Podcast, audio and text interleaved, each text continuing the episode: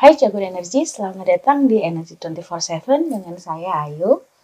Di sini saya akan menyampaikan mengenai berita-berita di sektor energi selama satu pekan terakhir. So check this out. Berita pertama berasal dari harga komoditas energi. Untuk harga minyak bumi, rata-rata Indonesian Crude Price atau ICP pada awal bulan September ini masih mengikuti laporan ICP bulan Juli yang tercatat di level 40,64 US dollar per barel. Sedangkan rata-rata Brent crude oil di 29 Agustus hingga 4 September 2020 berada di kisaran level 45,22 US dollar per barel, namun dengan tren yang cenderung turun sedikit dalam satu minggu terakhir. Untuk komoditas batu bara, HBA atau harga batu bara acuan dalam negeri di awal bulan September masih mengikuti HBA bulan Agustus yaitu 50,34 US dollar per ton. Sedangkan untuk harga batu bara di luar, di Newcastle harga bulan September ini berkisar antara 52,4 hingga 53,5 dengan tren yang sedikit mengalami penurunan.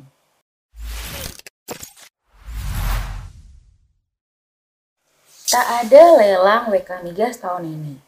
Adanya pandemi COVID-19 menyebabkan pemerintah menunda pelaksanaan lelang 12 WK Migas yang awalnya akan dilakukan pada semester 2 tahun 2020. Hal ini menyusul permintaan dari K3S yang meminta adanya penjadwalan ulang menjadi kuartal pertama tahun 2021. Bagi hasil migas untuk K3S diperbesar. SKK Migas saat ini telah merancang insentif bagi K3S. Salah satunya adalah peningkatan persentase bagi hasil migas atau split kepada K3S. Hal ini sebagai salah satu upaya mencapai target produksi 1 juta barel per hari. Dengan adanya insentif, diharapkan K3S dapat membantu meningkatkan status reserve atau cadangan menjadi produksi dan juga melaksanakan Enhanced Oil Recovery atau EOR. Namun, penambahan split ini kemungkinan akan dilakukan pada WK yang mengadopsi kontrak cost recovery dan bukan gross split. Alasan yang mendasari hal tersebut karena kontrak cost recovery saat ini memiliki bagi hasil produksi 85 banding 15 untuk minyak dan 70 banding 30 untuk gas, di mana pemerintah memegang persentase tertinggi dan K3S cenderung kecil sehingga masih dapat ditingkatkan.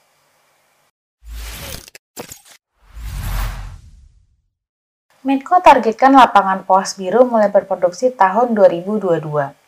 SKK Migas telah menyetujui rencana pengembangan lapangan atau Plan F Development atau POD Pos Biru di WK Sampang, Jawa Timur.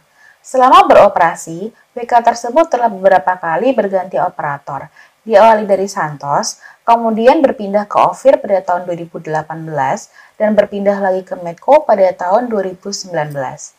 Di bawah Medco, pengembangan lapangan pos biru akan membutuhkan investasi sebesar 80 juta US dollar untuk memproduksi gas sekitar 31 juta MMSCFD. Produksi ditargetkan akan dapat dimulai pada 2022 hingga akhir masa kontrak di 2027. Pertamina rampungkan pemboran ladang minyak pertama di luar negeri. PT Pertamina Persero telah selesai melakukan pemboran pengembangan ladang minyak asing fase 4 di Blok Algeria. Proyek tersebut merupakan proyek pengembangan Pertamina pertama di luar negeri. Saat ini proyek tersebut telah menyelesaikan walkover sebanyak 12 sumur dan pemboran sebanyak 12 sumur dengan pemboran sumur terakhir telah selesai pada tanggal 17 Maret 2020.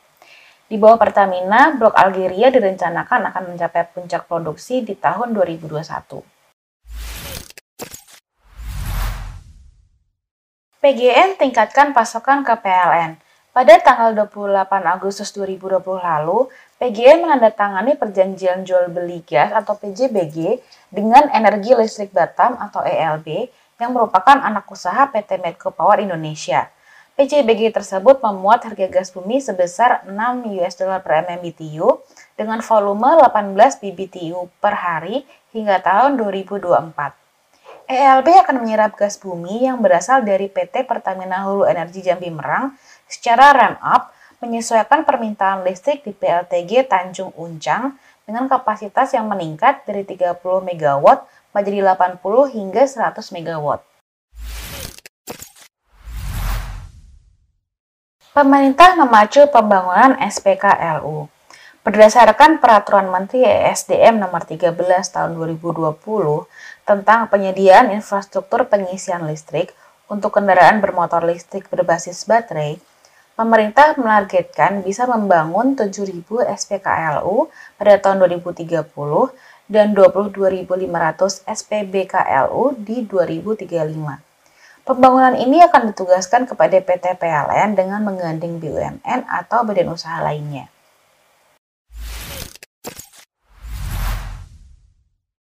Tarif listrik kelas menengah turun. Pemerintah akhirnya menurunkan tarif listrik untuk tujuh golongan pelanggan listrik tegangan rendah sebesar Rp22,5 per kWh. Adapun ketujuh golongan tersebut yaitu untuk pelanggan rumah tangga ada R1 TR dengan daya 1300 VA, R1 TR dengan daya 2200 VA, R2 TR dengan daya 3500 hingga 5500 VA, R3 TR dengan daya 6600 VA, kemudian dari pelanggan bisnis ada B2 TR dengan daya 6600 hingga 200 kVA, dan pelanggan pemerintah P1 dengan daya 6600 hingga 200 kVA. Demikian Energi 24/7 minggu ini and see you next week.